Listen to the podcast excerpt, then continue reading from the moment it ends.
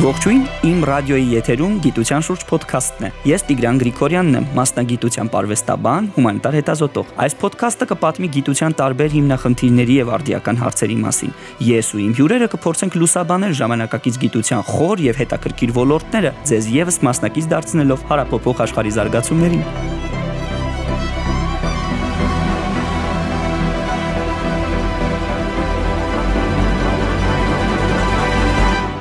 Ողջույն, իմ ռադիոյի եթերում գիտության շուրջ զրույցն է Ստիգրան Գրիգորյանն։ Այսօր իմ հյուրն է պատմաբան Համոս Սուքյասյանը։ Բարև ձեզ։ Բարև ձեզ։ Ուրախ եմ ունկալ ձեզ մեր տաղավարում։ Այսօր մենք խոսենք մի շատ հետաքրքիր տերմինի մասին, որ 20-րդ դարում հսկայական դերակատարում է ունեցել, մեծ հասկացություն, որը նաև քաղաքական կոնտեքստ ունի, պատմական կոնտեքստ ունի եւ կոչվում է կոմունիզմ։ Խնդրում եմ բացատրեք մեզ, ինչ է նշանակում կոմունիզմ։ Նախ սկսենք բարի բացատրությունից, որ գալիս է լատիներենից եւ այնուհետեւ 19-րդ դարում իր նշանակությամբ արդեն երկու մեծ իմաստեր արտահայտում։ Դրանցից առաջնայինը, որ գուցե մեզ նաեւ ամենահետաքրքիրն է, դա համայնքներ որպես այդպեսին, որ այսօր էլ նաեւ որոշակիորեն գործածվում է, մյուսը ուղղակի այդ հավասարություններ։ Եվ սրանից ուղիղ 175 տարի առաջ լույս տեսավ մի հետաքրիր եւ պատմության մեջ մեծ հետք թողած աշխատություն, կոչվում է կոմունիստական կուսակցության մանիֆեստը, որի որի հեղինակներն էին նշանավոր սոցիալիստներ Կարլ Մարքսը եւ Ֆրիդրիխ Էնգելսը, երկու նշանավոր տեսաբաններ, որտեղ իրենք առաջ քաշեցին այդ կոմունիզմի սկզբունքը եւ իրենցից առաջ նման գաղափարներ արտահայտածներին իրենք նաեւ որոշակիորեն ուտոպիստական գաղափարների կրողներ անվանեցին Թոմաս Մորին եւ դրանից հետո մենք տեսնում ենք որ եվրոպական երկրներում այդ թվում նաեւ ռուսական միջավայրում սկսում են տարածում գտնել այս գաղափարները եւ հետո պիտի գար Վլադիմիր Լենինը 20-րդ դարաշրջանին ինքը լրիվ վերափոխեց այդ կոմունիզմի գաղափարը։ Հայև նոր շունչ տվեց, ինչպես խորթային տարիներին կանվանեին, իսկ այսօր շատ մեր արեմտյան գործընկերներ համարում են, որ կոմունիզմը որպես այդպեսին իրականում չի եղել։ Այսինքն գաղափարական քող է։ Այո, գաղափարական քող է, որը գուցե բնորոշում էր խորթային միությունում եղած իրականությունը կամ խորթային միությունն էր բնորոշում կամ այդ կուսակցությունն էր բնորոշում։ Տեսեք, այդ առումով հետաքրիր մի հանգամանք է, որ 1918 թվականի սկզբին, այսինքն իշխանությունն անցնելուց անմիջապես հետո խորթային Ռուսաստանի բոլշևիկները իրենց կուսակցությունը վերանվանեցին։ Եվ եթե մինչ այդ կոչվում էր Ռուսաստանի սոցիալ-դեմոկրատական բանվորական կուսակցություն իր բոլշևիկյան թևով, արդեն 1918-ի սկզբից սկսեց կոչվել Ռուսաստանի կոմունիստական բոլշևիկյան կուսակցություն։ Այսինքն այս կոմունիստական բառը սկսեց շեշտվել եւ կոմունիստականը եւ ինչպես Վլադիմիր Իլիչ Լենինն էր կարևորում նաեւ բոլշևիկյան արտահայտություն, հա, որ շեշտվի, որ սա նաեւ բոլշևիկյան մեծամասնության Հա, մեծամասնականների, ինչպես արևմտահայերը կասեին, այս դեպքում նաև ռուսական միջավայրը խորթանշող, ռուսական կոմունիստներին խորթանշող կամ սոցիալիստներին, այսպես ասենք, առաջատար բլոկին այն ժամանակվա բնորոշմամբ խորթանշող անվանում էր այս բոլշևիկները։ Այստեղ մի շատ հետաքրքիր մոտեցում կա, ընդհանրապես կոմունիզմի, քանի որ դուք նշեցիք, որ սա 170 տարի առաջ ստեղծված հասկացություն էր մեծ իմաստով, դա կիա որ քաղաքականության մեջ հենց ֆրանսիական հեղափոխությունից հետո մտավ, որովհետև կոմունաների պայքար եւ կոմունալների ձևավորումը ըստ էության ֆրանսիական հեղափոխական մտքի կարևորագույն ծնունդներից մեկն էր եւ մեծ իմաստով խորհրդային կայսրության ձևավորման սկզբում էլ, հա, ըստ էության համայնքների դերը պետության կառավարման մեջ հետագայում քան որ ամրացավ նաեւ այդ միակուսակցական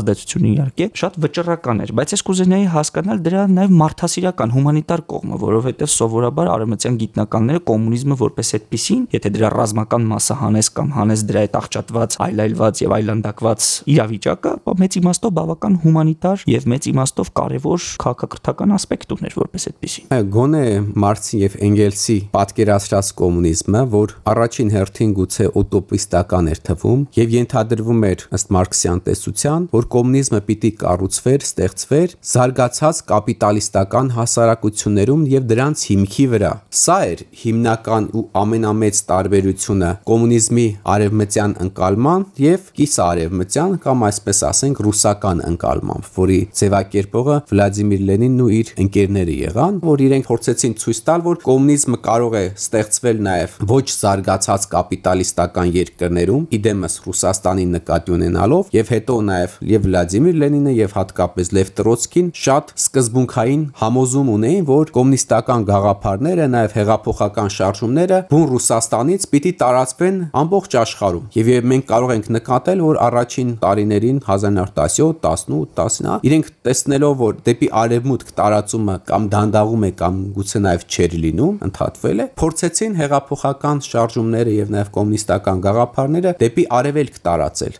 այսինքն դեպի Չինաստան, Չինաստան, դեպի թուրքական միջավայր, Աֆղանստան, դեպի Հնդկաստան, որ էլի հաջողություն չունեցավ, գոնե այդ առաջին տարիներին Չինաստանի օրինակը շատ վարակիչ էր, բայց նաև մեծ տարբերություն կար չինական եւ նաև խորթային ընկալման միջև կոմունիստական գաղափարների կամ կոմունիզմի եւ այս առումով էլ մենք տեսնում ենք, որ գաղափարական այդ համակարգը որոշակի հեղափոխումների ենթարկվեց, փոփոխությունների ենթարկվեց պայմանավորված քաղաքական կոնյունկտուրայով կամ ըստ քաղաքական նպատակահարմարության եւ սրանով փորձեցին, եթե Վլադիմիր Լենինը ցույց էր տալիս, որ կարող է որոշակի օր զարգանալ նաև թույլ կապիտալիստական զարգացած երկրներում, կապիտալիզմի թույլ զարգացում ունեցող երկրներում եւ նաև ամբողջ աշխարհում պիտի տարածվեր, Իոսիֆ Ստալինը արդեն 20-ականների վերջին 30-ականների սկզբին առաջ գասից ավելի խորացրեց այս տարանջատումը, գուցե գաղափարական, ցույց տալով որ կարող է մեկ երկրի սահմաններում կառուցվել կոմունիզմ, նկատի ունենալով արդեն գոյություն ունեցող խորթային միություն, այսինքն նախկին ռուսական կայսրության հիմքի վրա կարող էր ձևավորվել կոմունիստական հասարակարգ, որին եւ ձեռնամուխ եղան։ Եվ խորթային, այո։ Այս ներողություն իհարկե որ ընդհատում եմ, բայց այստեղ մի հարց էլ առաջանում, որովհետեւ հատկապես խորթային կայսրության միջին շրջանը, այսինքն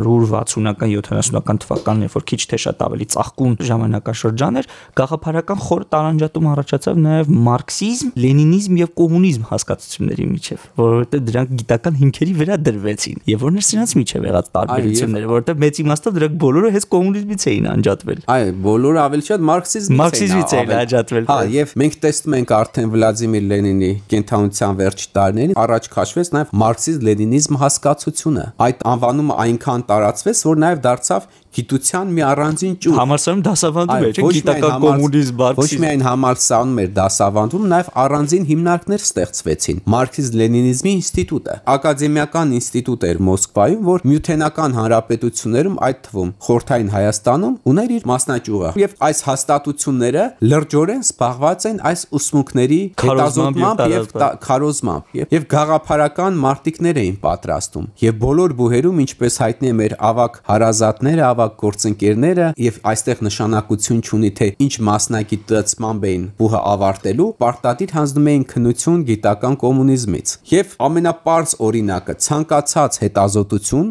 մանավանդ խոսքը վերաբերում է մեր հումանիտար բնագավառին, կարող էր գիտական արժեք ունենալ ճակերտավոր ասած։ Եթե ցիտվում էր Եթե այդ աշխատանքի գաղափարական հիմքը գալիս էր մարքսի-լենինիզմի դասականների կամ ինչպես մինչև 80-ականներն էին ասում կլասիկների աշխատություններից։ Եվ շատ հետաքրքիր է, որ այդ ժամանակաշրջանի գրքերը բացում ես, նախաբանում թեկուզ վերաբերի ատամնաբուժությունից ինչև ֆիլիսոփայից։ Այո, եւ ամենակարևորը, այնուհետև աղբյուրների եւ գրականության ցանկում սկզբից նշում էին մարքսի-լենինիզմի դասականների կամ կլասիկների աշխատությունները, Մարքսը, Էնգելսը, Լենինը, հետո Ստալինն էր ավելանում եւ այլն, նայած որ շրջան, հետո արդեն ձեր ասած 1960-ականներին բնականաբար Ստալինի անունը հանում էին, նաեւ պայմանավորված անհատի պաշտամունքի ավարտով այնուհետև միայն գալիս են մյուս բնույթի սկսնակցում ես որպես պատմաբան կարող եմ ասել արխիվային փաստաթղթերը մեր դեպքում մատենադանի ձեռագրերի անվանումները որ առանցքային նշանակություն ունեն օրինակ միջնադարի պատմությունը հասկանալու համար ըստ խորթային տրամաբանության ենթադրելի էր դառնում որ գոնե ընթերցող այդպես կարող այսօր ընկալել որ ավելի երկրորդական նշանակություն ունեն որևէ ձեռագրագիտական խնդիր բարձաբանելու բարձաբանելու համար քան ենթադրենք Էնգելս Հոմերսի գրած աշխատությունը ենթադրենք բնության ցակման մասին կամ հատնտիրները եւ սա հարցնում էր ծայրահեղության տեսեք դուք բերում եք 60-80-ականների օրինակը հանգուցյալ գործընկերներից մեկը տարիներ առաջ մի հետաքրիր պատմություն էր պատմում որ ինչպես է աշխատանքի բերումով առնչվել այն խնդրի հետ որ աշխատել է հայ պետրատում եւ իրենց մոտ եկած գրքերը բնականաբար խմբագրվելուց հետո նաեւ իրենք վերստուգել են եւ ասում պարզեցինք որ բազմաթիվ աշխատություններ այդ թվում նշում էր պատմագիտության դեպքում մեր ավակ գործընկերների իրենց շատերի անուններն էր թվարկում հատկապես Միշնադարյամ եւ հին շրջանուսան, ասում է իրենց ցիտատները բնօրինակների հետ չէին համընկնում։ Այսինքն բանը նրանումն է, որ տարբեր անհատներ մեկը մյուսից այդ նմանատիպ ցիտատները վերցնելով եւ դե Լենինի աշխատ ուղիղ օգտագործել հնարավոր չէ։ Այո, աշխատանքները չկարդալով նաեւ նույն Մարքսի, Էնգելսի եւ հատկապես Լենինի հատորները արդեն 1970-ականների վերջերին այլևս այդ բազմաթիվ հրատարակությունների հետ երբեմն շփոթում էին ամեն հրատարակության դեպքում դե բնականաբար էջերը փոխվում էին աշխատությունների եւ ստուգեցինք, parzեցինք, որ շատերի դեպքում ինքը անունները թվարկ դգեղ կլինի այդ անունները ասելը, ասես չէր համընկնում այդ տողատակերը։ Եվ ասում եմ, երբ որ կանչեցի, մեկն ասեց, դե հիմա իմ աշխատանքի ինչն եք դուք նայում, ասում եմ, Ասում եմ, ես մտածեցի, որ հակառակ դեպքում պիտի վերածվի արդեն բանավեճի կամ եթե այլ կոնֆլիկտի որ ուրիշ ուրիշ բան էլ հնարավոր չի։ Այսինքն ասածս նա է, որ նաև այս բերված օրինակները ցույց են տալիս, որ մարդիկ արդեն գոնե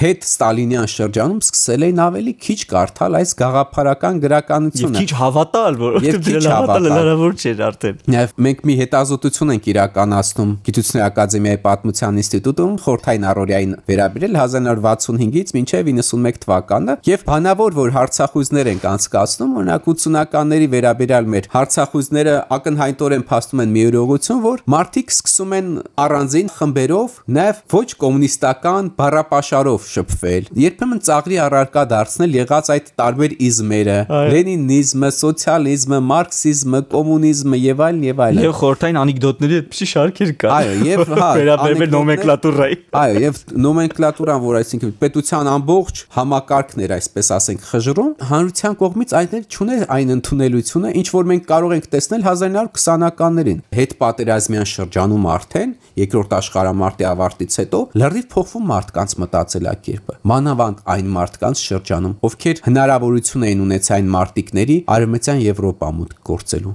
նաև իրենցից պարտված Գերմանիան տեսնելու հասարակությունների հա տեսնելու այն տարբերությունը ահռելի տարբերությունը որ կա եվրոպական միջավայրի ֆրանսիական թեկուս գերմանական զորքերի կողմից օկուպացված ֆրանսիական իրականության գերմանական իրական նաև նույնիսկ արևելյա եվրոպական երկրների եւ բուն խորթային միության դեպքում եւ այդ պատճառով էլ այդ երկվությունը այս մարդկանց մեջ սկսում է սաղմեր արցակել եւ քանի որ քաղաքական ընդդիմություն չէր կարող ձևավորվել հասարակության մեջ դա դառնում է հումոր հումոր եւ զավեշտ։ Քանի որ մենք խոսեցինք այդ առօրյականության եւ զավեշտի մասին, իհարկե հայկական իրականության մեջ ավելի ցայտուն արտահայտված, երբ որ 1991 թվականին գիտկոմի բոլոր դասախոսները եւ մասնագետները դարձան աստվածաբանություն ուսումնասիրող։ Այո, այո։ Եվ աթեիզմով զբաղվում էր գործընկերները, որոնցից շատերը այսօր շատ թունդ հայ առաքելական եկեղեցու կողմնակիցներ են, իրենց տեխնացուականներ օրինակ պաշտպանել են գիտական կոմունիզմի վերաբերյալ աթեիզմի շատ լուրջ դասախոսներ են եղել եւ հետո միանգամից փոխվել են։ Ինչպես շատ շատերը մենք ունենք նաեւ գործունի, որ սպաղվել են կոմունիստական կուսակցության պատմության խնդիրներով եւ այնուհետեւ անկախացումից անմիջապես հետո այդ նույն մարտիկ սկսեցին զբաղվել նաեւ հայ ազգային կուսակցությունների պատմության խնդիրներով, այսինքն հնարավոր է կերպումներ իհարկե։ Նաեւ մարդկային բնույթներ փոփոխվում։ Եվ տեսեք կոմունիզմը իր գոյության ընթացքում կամ ճակերտավոր գոյության բազմաթիվ ինչպես կոմունիստական գաղափարախոսության բնորոշից մասը կազմող ենթաբաժին բաժինների է բերել։ Այնպես էլ նույն ռազմական կոմունիզմ, կոմունիստական գաղափարների տարածում, դեռևս շատ են նաև մարդիկ, որոնք կարող էին հումորի վերածել նաև ծաղրեին կոմունիստական գաղափարները, ինչպես Երգիծաբան Լեր կամ Սարը, Մարտը տանու շորերով։ Հա, կամ առաջին իր գրած նման բնույթի աշխատանքը կարծեմ թե 1921 թվականին փետրվարին գրված կրոնների պատմությունն է, որտեղ ասում էր, որ նկարագրելով ռազմական կոմունիզմի քաղաքականությունը, որ բնակչությունից հատկապես գյուղացիությունից իրենց ունեցած ճանաչածն էին վերցնում մթերքները, ասում էր, որ միայն ասում է կոմունիստներն են արժանի երկրային դրախտի վայելքներին տիրանալու։ Այսինքն այն աշխարհում այդ բարիկներին արժանանան, իսկ երկրային աշխարհում դա կոմունիստներին է բաժին ընկնելու։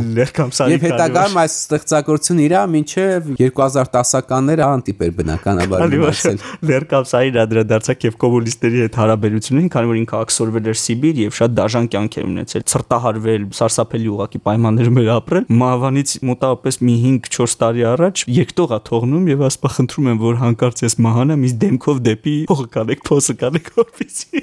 կոմունիստական կուսակցության դեմքը չտեսնեմ։ Հասարակության իրական մեջ եւ երբեմն իրականում հենց հումորը ու ծաղրը իրական գաղափարախոսական այդ կոստյումի ամենավառ արտահայտությունն են ցույց տալու համար թե որքան խորն է եղել անջրպետը հասարակության եւ այն դավանանքի, որը պարտադրել են իրեն։ Ուղղակի մի բան էլ կցանկանայի ավելացնել, դա այն է, որ եթե ինչպես նշեցինք ուշ խորթային շրջանում սկսել են չհավատալ այս կոմունիզմի գաղափարներին, որ սոցիալիստական հասարակության վերջն արդյունքը պիտի լինի կոմունիզմի կառուցումը եւ մարդիկ գուցե ծաղրով էին վերաբերում, մենք տեսնում ենք, որ 90-ականների 90-ականներին Հայաստանի անկախացումից հետո նաև սոցիալական պատճառներով թելադրված մեր ավակ սերնդի շատ բարեկամներ, հարևաններ, երբեմն նույնիսկ գործընկերներ կարող տախտով են լսում եւ կարելի է հանդիպել այսպիսի արտահայտություն. Ապրեցինք կոմունիզմի պայմաններում, բայց չհասկացանք, որ դա կոմունիզմ էր։ Նման արտահայտություններ էլ այսօր կարելի է շատ հանդիպել, գնալով ավելի քիչ, որտեվ այդ ավակ սերունդը նաև մեզնից հեռանում է, կամ ավելի բարվոք են դառնում սոցիալական պայմանները, բայց սա էլ